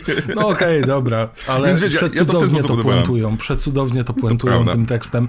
No a kiedy się wydarzy to wielkie zbawienie i będzie lepiej? No po końcu świata. O matko, tak szybko? No to Wow. prawda, to jest, no... Tutaj, tutaj absolutnie wygrali, ale, ale fakt. Podoba mi się wizja i to mogłoby być dokręcone, tu się z tobą zgodzę. Bardzo antyreligijny ksiądz. Boże ksiądz. Tak, oczywiście. Jeszcze w tym zdaniu użyłem Boże jako prze, e, przecinka. No, świetnie, Mateusz, świetnie. No, jak tam twój Już mózg się przypala, więc wiesz... Je- Jeszcze może kogoś pojedziesz przy okazji. E, no, e, ale tak. Policjant, który jest anty Nie wiem, czy możemy religijny. kontynuować rozmowę. Jeżeli ja przez słuchawki słyszę jebnięcia gromów, to coś nadchodzi właśnie teraz. Nie widzę, żeby padało, ale usłyszałem gromy W przez jednym słuchawki. zdaniu powiedziałem antykościelny ksiądz, powiedziałem Boże, Boże, o Boże? antysemito. a potem jeszcze coś powiedziałem o antysemityzmie, więc prawdopodobnie ro, rozgniewałem co najmniej jedno bóstwo. Szybko, uciekajmy, raduj! O, Odynie, daj spokój. Ale tak, e, jakby postać policjanta, który jest mega rozgniewany na wiarę i ma, właściwie może nawet nie jest niewierzący, tylko ma kryzys. Bo to chyba w kontekście filmu ma o wiele więcej sensu. Tak. Jest dobrym tłem do pisania historii, która jest kontynuacją egzorcysty. Bo ów demon, Legion, bo jest ich kilku, jak wiadomo, swoją drogą jeden z najczęściej chyba używanych O demonów. Jezu. No i plus tak często We usłyszymy. legion, cause we are many. W Ghost Riderze nawet to było i chyba w dwójce, nie pamiętam, czy w jedynce, ale... Albo W w filmie jedynce. Legion. W filmie Legion, no tego jest... Ja mogłem po prostu... O, No, dobra. trochę tego było, ale, ale wystawianie na test wiary zazwyczaj jest takim mitem, e, nie pamiętam, to był Abraham, prawda? Który miał... W sensie e, założycielskim mówisz, że... Nie, A, nie, tak, jak- tak, tak, Abraham, tak, tak, tak, jak Ten, co najbardziej. miał swojego syna skasować. Tak. No, znaczy inaczej, no, no, w- jak spojrzysz pewnie, to miałbyś więcej takich, co kasują No, swoich synów. jasne, jasne. Szczerze powiedziawszy, bądź co bądź, Bóg chciał skasować w pewnym sensie Jezusa. Jakbyśmy się chcieli skupić, wysyła go, wie o to tym, że umrze. Dobra, nieważne. Nie, zaraz, przepraszam, przepraszam. I teraz takie po prostu, wiesz, błyśnięcie. Znowu, przepraszam, już nie będę. Ale jeżeli weźmiemy sobie ten mit, czy tam legendę, czy przypowieść, to Bóg testuje de facto. A tutaj mamy odwrócenie ról po raz kolejny.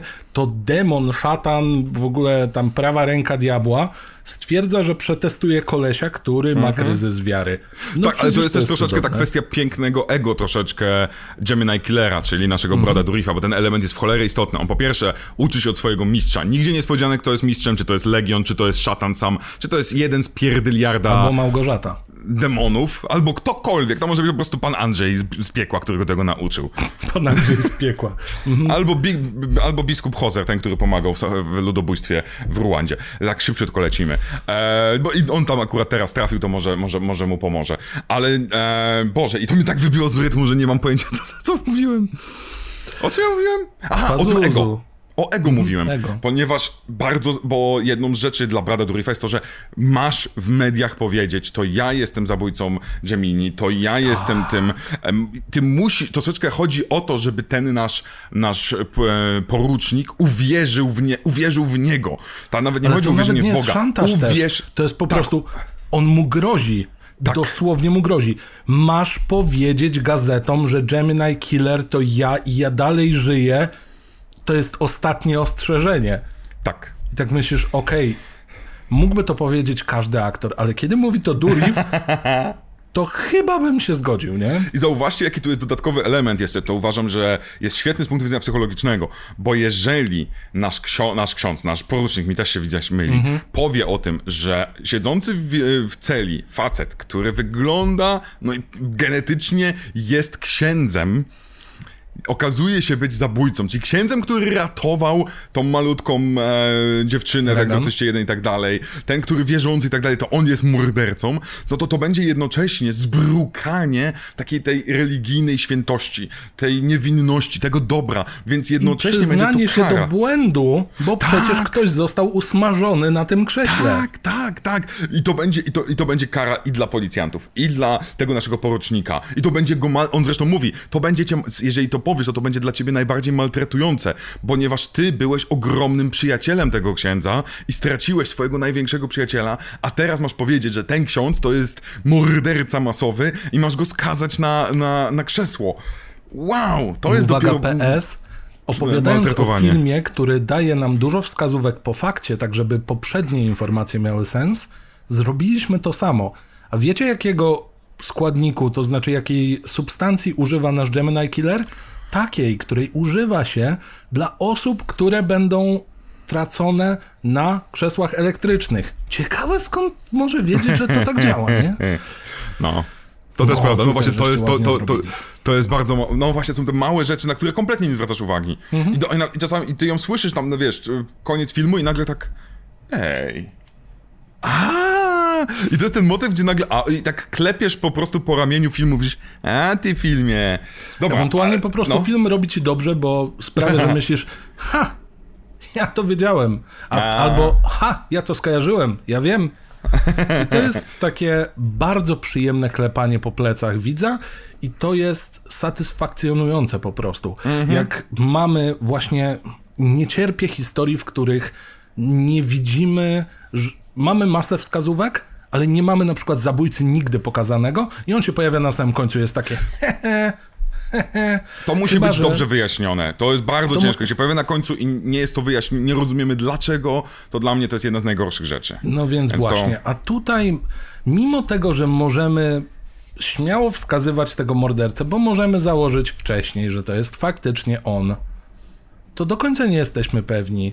Nie wiemy No, jak, nie rozumiemy. Nie wiemy do końca jak, filmu nie nie, nie, rozumiemy.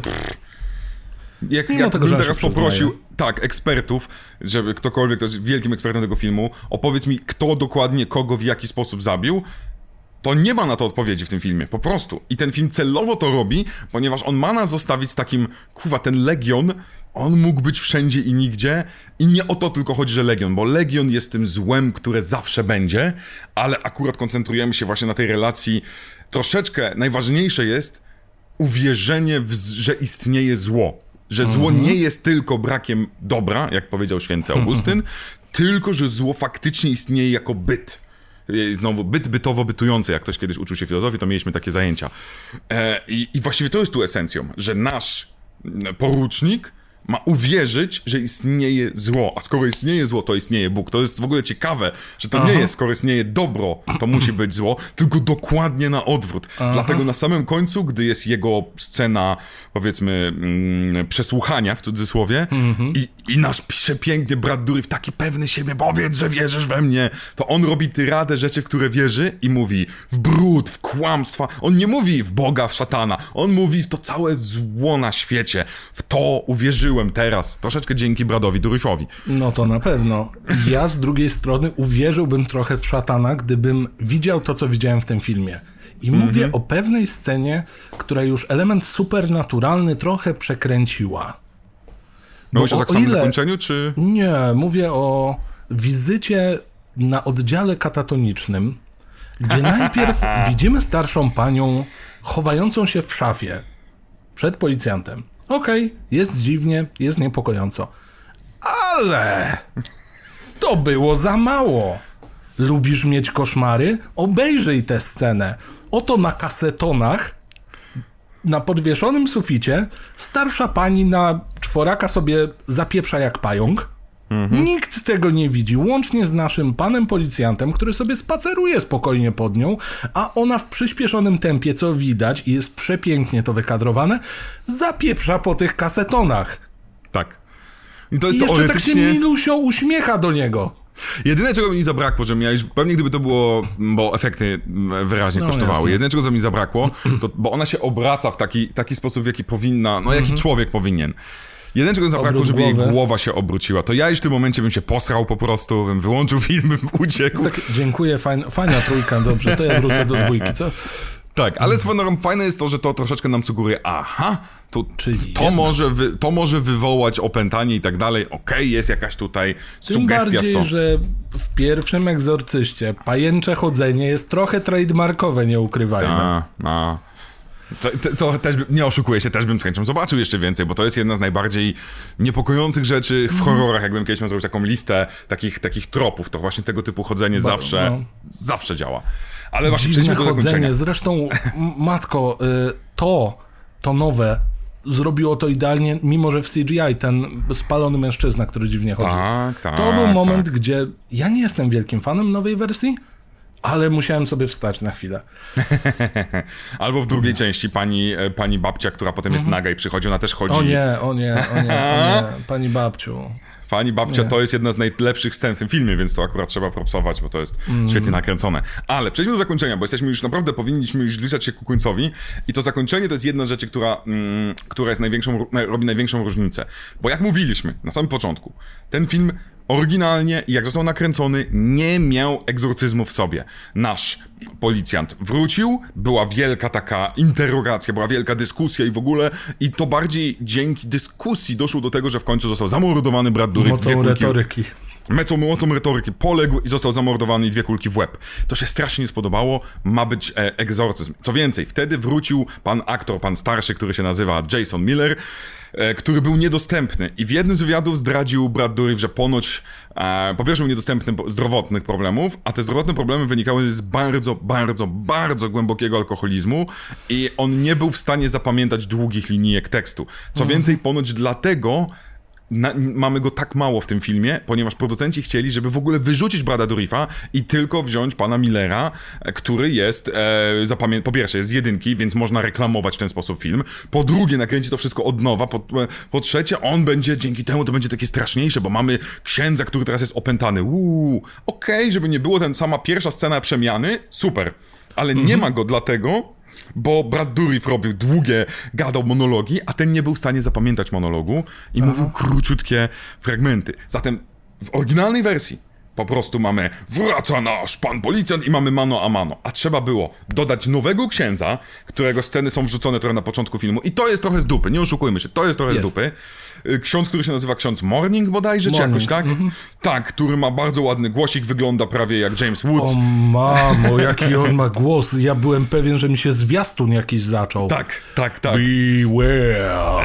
Tak, który zaczyna egzorcyzm, ponieważ on już kiedyś się zajmował tym demonem, który zaczyna egzorcyzm robić, w ogóle wchodzi na, na ten, e, do tego, tego skrzydła więzienia, nie więzienia, szpitala, dokładnie Ale w on- momencie, ale on tak, to nie jest wejście zwykłe. To jest- To nie... W tym jest momencie jest opętana kobieta, która chce zabić córkę naszego policjanta. I Po policjanta. nagle... Jeszcze raz? i po, ona w tym momencie policjanta, ona na- zabija naszego, naszego porucznika. A tak, dusiła go już. E, Tak. Przepraszam, cała scena była o tym, że miała być mała szopka z... Na, pokaz live zabicia córki, no ale Tak. ostatecznie trzeba udusić pana policjanta i nagle się wyłącza. Co się wydarzyło? Wjeżdża cały na biało, chyba że liczymy mm, jakby pozostałe utensylia księżowe. Wjeżdża ksiądz. Po prostu w tle powinny ryczeć jakieś trąby, nie wiem, y, I białe Tiger, cokolwiek. Wbija się ksiądz na skrzydło szpitalne z izolatkami. Otwiera tę izolatkę i brakowało naprawdę tylko Oh, we meet again. Czy czegoś w tym stylu, albo General Kenobi. Wchodzi do tej celi i się zaczyna. To jest dopiero mano a mano. Tutaj, tutaj odpalamy. Po prostu Biblia, wersja y, antywirusa 2020. Cyk, lecimy. I to Wow. jest bardzo ładnie nakręcone, ale to uwaga, to jest wszystko, to było, to są wszystko dokrętki, kosztowało 4 miliony dolarów, sam film kosztował 11, więc to chyba jeszcze dociągnęło, a nie zarobił chyba nawet 30, więc on ogólnie rzecz biorąc stracił hajs, ale to wszystko zostało wymuszone przez producentów, bo oni bardzo potrzebowali tego egzorcyzmu i no, ten ksiądz jest z dupy. I to co prawda ładnie działa, bo wizualnie to przejście i rozumiemy, dlaczego ta e, opętana zakonnica nagle pada, że to Ale faktycznie przenosi się. Tak, ale pojawia się Deus Ex Machina, jedzie ten nasz detektyw detektyw, e, ale są tutaj dobre W efekty sumie specjalne. Deus Ex, tak nawet na dwóch poziomach jest to zabawne. No, to prawda. Mamy prawdziwe węże, które się pojawiają, mamy ogień piekielny, mamy ogień jak... Mamy światło anielskie. Tak. E, Wszystko tam jest. Wszystko, wszystko, wszystko tam jest. E, I jest fajny. Dla mnie ten... Mm, jest satysfakcjonujący ten finał. Podoba mi się ta energia, to, że ten ksiądz, mimo tego, że ma oderwany kawałek skóry, że krew została na Ale suficie... proszę cię, jakie to jest cudowne, jak on właśnie odprawia ten egzorcyzm, Tak. a Durif go cały czas podjudza, podjudza i mówi, no pewnie nie czujesz, jak tam powoli coś przemyka po twoich plecach, moje grzechy. I widzimy jednego węża, drugiego węża, tu mu u stóp coś łazi, płonie coś. Cięcie jest normalnie. Tak, tak, tak, tak, tak. O wow, czyli to się dzieje w głowie. Fajny Jak obraz, uwierzysz w to, fajny. jak uwierzysz w to, to, na, to się dzieje naprawdę, ale ksiądz, No. jego wiara w Boga jest większa, więc nie dał się. Ale potem zostaje po prostu rzucony na sufit i mamy efekty praktyczne, odrywanie To jest skóry, odrywanie pierwszy tak agresywny moment w filmie, całym. I... czekaliśmy na to ponad półtorej godziny. I po raz kolejny czekaliśmy i dostaliśmy coś, co naprawdę dobrze wygląda, bo tam jest odrywanie skóry. To wygląda jakby ten ksiądz został przyklejony do sufitu Mhm. i odrywany od niego. Nie wiem, czy on miał być tam przysmażony do tego. Tak to wygląda trochę jak piekielnie. przysmażony. Tak, tak, tak. Odchodzi ta skóra tutaj krwawi, w ogóle to wygląda tak gorowo, że masz wrażenie, że to nie z tego filmu, albo ktoś to dokręcił później. Chyba tak było. E, ale, ale... I to jest jedna rzecz. Druga rzecz jest taka, że za chwilę wraca nasz główny bohater. Mhm. I to nie jest tak, że to zniknęło, o, teraz będziemy oszukiwać. Tak. A gówno, leży sobie, y, leży sobie krzyż, patrzymy na sufit, jest po prostu skórka przywędzona i kapie stamtąd krew. Czyli Mhm. się wydarzyło. No. I to jeszcze bardzo ładne ujęcie, kapie na spaloną Biblię, więc to w Tak. ogóle też jest bardzo ładne ujęcie. Więc żeby nie było, ja lubię to zakończenie. Chciałbym zobaczyć w takiej pełnej glorii to zakończenie w wersji reżyserskiej, którego nigdy nie dostaliśmy. Reżyser umarł w 2016 bodajże roku, albo 2017. W 2017 udało się zebrać większość plików i zostało to odtworzone, ale na podstawie między innymi tak zwanych dailies. Dailies to są rzeczy, które były nagrywane na kasety VHS, przekazywane produkcje. Patrzcie, Żeby robimy, sprawdzić. pracujemy i tak dalej. Więc jakość jest żenująca i jak się ogląda to w całości, to się tego prawie słuchać nie da. Więc niestety możliwe, że nigdy nie zobaczymy pełnej wersji reżyserskiej, ale zastanawia mnie, dlaczego on tak bardzo walczył, żeby tego nie było, żeby nie było egzorcyzmu, żeby to było bardziej mano a mano i tak Albo dalej. bardzo, bardziej książkowo, nie? Może też, też, też, prawda, bardziej książkową, bo nie chcę z jednej strony mówić, że jest gorsza wersja reżyserska, bo nie wiemy, jak ona jest do końca, a, ale ten Deus Ex Machina no, ma ten problem właśnie, że niestety pojawia się, zresztą to jest potem wyśmiane chociażby w strasznym filmie, chyba dwa czy trzy, nie pamiętam już w tym momencie, z Jamesem Woodsem. możliwe. Więc, mm, ale to zakończenie zdecydowanie też ma ten element trochę taki creepowy, w tym sensie niepokojący, nie creepowy nawet, bo gdy już udaje się, zabija i w dodatku rzadko kiedy w horrorze na samym końcu ostatnia rzecz jest przyłożenie po prostu spluwy do czachy i strzelam, ale potem mamy nagrobek naszego księdza, gdzie mamy, nagle mamy trzy daty. Mamy, urodził się, umarł i trafił do, do grobu. I to są trzy różne daty, już tak, okej, That's, that's a cool one. Tak. Jeżeli DC by kiedyś robiło jeszcze raz Konstantina, to powinni takie rzeczy robić. Swoją tak. drogą. Ci dwaj panowie, to znaczy nasz kolega ksiądz i nasz kolega policjant, oni są tak perfekcyjnym archetypem do zrobienia historii o łowcach, łowcach demonów, że Mhm. lepiej się nie da. Jeszcze z tym samym sarkazmem, z tym samym ciętym językiem. Czemu nie czytasz jakiejś Biblii? Bo tam nie mówią nic o modzie. To prawda, to jest, to jest przecudowne. Zresztą, jak myślimy o rolach dla Brada Durifa, jako Konstantyn albo jakikolwiek wróg Konstantina, bez Oj tak, bym go brał. tak. Ja bym go do DC właśnie jako starszego diabła, coś tam. Mm, Proszę cię, on w Mephisto. Ghost Riderze mógłby być każdym złym. To prawda, no, ale Mephisto, to je- No, jeżeli a- oczekujemy go od tak dawna, Brad Durif jako Właśnie- Mephisto, zaczynamy kampanię. Właśnie zacząłem się bać, że popadniesz w jakąś taką szaloną wizję swojego, e, swojej fascynacji ostatnimi Tak. podbojami Mephisto. O, i pomyśl sobie, i wtedy Brad Dourif jako Mephisto, który sobie gada, który ma w, jednym, w jednej wersji... Kto, jaki inny aktor poza Bradem Dourifem, sprzedałby taką scenę, którą w komiksach mamy, że jest Mephisto, który ma dwie ręce, które przemieniają się w dzieci Wandy i, Wy, Wandy i Wyżyna. I te dwie ręce zamieniają się Dourif. w demony. No Dourif. tylko ten facet i on by pewnie gadał wszystkimi głosami jednocześnie i te i CG by zrobiono, żeby zarówno jedno, jak i drugie dziecko też miało twarz Dourifa. No kurna. Okej. Durif albo... sprzedałem. No, tak. Nie, Jakby hashtag Durif Mephisto to jest to. Z każdego odcinku musimy mieć jakiś hashtag, widzę. Tak, oczywiście, bo, to- ta, ta, bo tak się robi social media marketing, you know. Dokładnie you know. tak, e, Many millions followers. No ale tak, film kończy się dobitką. Najpierw księdza, potem zabójcy, albo na odwrót. Potem mamy nagrobek i finał, koniec. I I film zmęczyliśmy się chyba. nas z wielkim co jest. Tak. Co, Tak, co bo- ja obejrzałem? Bo jedna z rzeczy, która jest fajna. mi się No, podobało, ale nie wiem, co widziałem. tak, w sensie, bo, bo, bo nie, y, tutaj bardzo podobnie do pierwszego egzorcyzmu. W pierwszym egzorcyzmie teoretycznie udało się uratować Negan, Regan, Regan.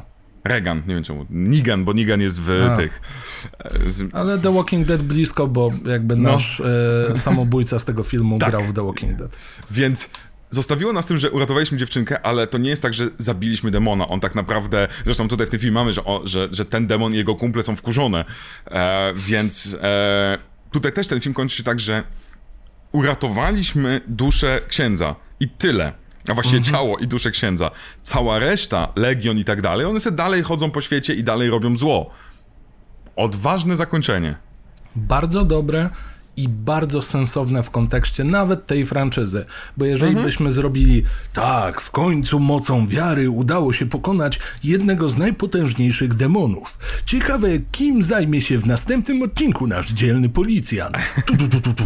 Abaddon, Egzorcysta 4. No nie, absolutnie to nie miałoby sensu. Zło jest według tego świata wieczne. Ono będzie wieczne. Prędzej czy później znajdzie się albo kolejna Regan, albo kolejny ksiądz, albo kolejne dziecko, czy inny tam Schwarzenegger, jak sam mówiłeś, którego będzie można opętać i trochę namiesza. No, 10 lat później dostaliśmy End of Days, gdzie w pewnym momencie szatan opętał Schwarzeneggera w jednej scenie, grany przez George'a Burna e, szatan, więc w sumie idealnie wszystko się zgadza. Wszystko się, wszystko się domyka. I mieliśmy Polkę, która wieściła w tym filmie. To jest bardzo polski ważny akcent. E, End Pamiętasz? of Days jest e, nieoficjalnym sequelem. Nie wiem, ale tak duchowym, plus znakomita muzyka, gdzie jest, e, jak się nazywa, gdzie jest Everlast, który śpiewa bardzo niskim głosem, jak źle jest. Przepraszam, to już w ogóle Everlast dygresja po House zwraca.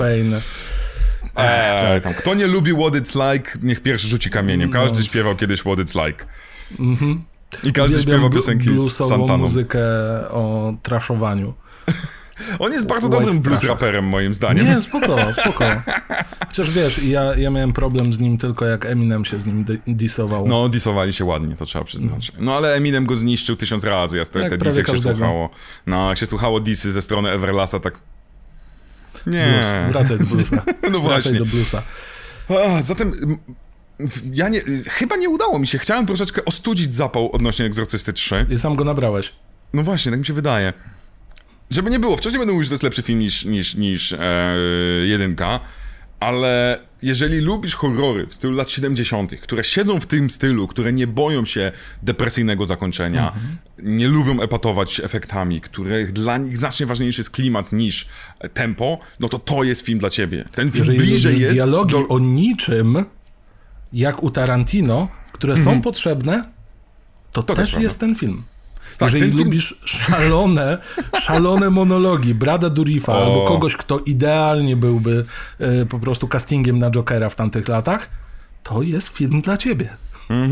To prawda. Jeżeli, jeżeli podobało ci się ten film, dla mnie duchowo jest blisko Rosemary's Baby. To jest, więc, więc jeżeli próbujemy ci troszeczkę naś, na, naświetlić, a która trzecia część horroru można powiedzieć tego typu rzeczy, że jest blisko duchowo do Rosemary's Baby, to może być najlepsza trzecia część horroru, bo ja zrobiłem sobie tak, zastanawiałem się, wiecie, miałem Karła 3, czyli Leprechaun 3, Piątek 13 3 ja bardzo lubię, więc, więc tutaj em, Halloween 3, które też bardzo lubię, ale mimo tego to chyba jest, chyba, piszcie, jakie są inne znakomite trzecie części horrorów. Candyman 3. W każdym razie, chyba zakończymy, bo wychodzi nam kolejny najdłuższy odcinek, ale już możemy po raz pierwszy od dawna zdradzić, co będziemy omawiać za tydzień. Za tydzień będziemy omawiać To, co padło już co najmniej pięć razy. Dzisiaj Candyman, bo zbliża się Candyman. Ile Zbliża razy jeszcze nowy. powiemy? Nie, ja już nic nie, ja dlatego nie mówię, bo bałem się tego filmu za dzieciaka tak przeraźliwie, że trochę się boję do niego wrócić. Więc... Ja się bałem z tego względu. To jest taki mały teaser z mojej strony. Znajomi zaczęli mi opowiadać o tym filmie i sami zrobili najlepszy zwiastun kiedykolwiek, opowiadając, że kiedyś na imprezie bawili się w to i powtarzali te rzeczy. A ja już tak bardzo chciałem to zobaczyć i tak bardzo nie chciałem tego zobaczyć, że przypomnienie sobie tego, chociaż nie, przypominałem sobie parę lat temu, ale przypomnienie sobie tego jeszcze raz będzie po prostu samą radochą. Będzie na kawał pewno, filmu. będzie samą radochą. Ja już tego głosu, tego. ko- Ah, jeden z najlepszych Barker. głosów. A to jest ciekawe właśnie, bo to, to w ogóle jest jedna z rzeczy, o której będziemy na pewno dyskutować. Jak oglądałem ten film za pierwszym razem, jak, jak słuchałem, jak oni mówią dzisiaj przy okazji tego mm, nowej części, w życiu bym nie powiedział, że to jest tak bardzo biały reżyser, który jest tak biały, że aż nie jest ze Stanów, a Mhm. tak dobrze zrozumiał trochę problemy rasowe w Stanach. Więc to jest... Ale znowu, to Kolejny na film przyszły tydzień. Paradox. Tak, pa- o, hashtag podcast Paradox. O matko, jak masz, wiesz, te y, kryzysy na nieskończonych ziemiach, Tak. to u nas są po prostu różne nazwy podcastu. Bo my po Podcast prostu czekamy, Paradox. w którymś momencie ktoś powie, o, to jest dobry pomysł i my zaczniemy robić, mnożyć te podcasty, każdy z nich będzie zarabiał miliony dolarów, a my wreszcie będziemy mogli żyć godnie.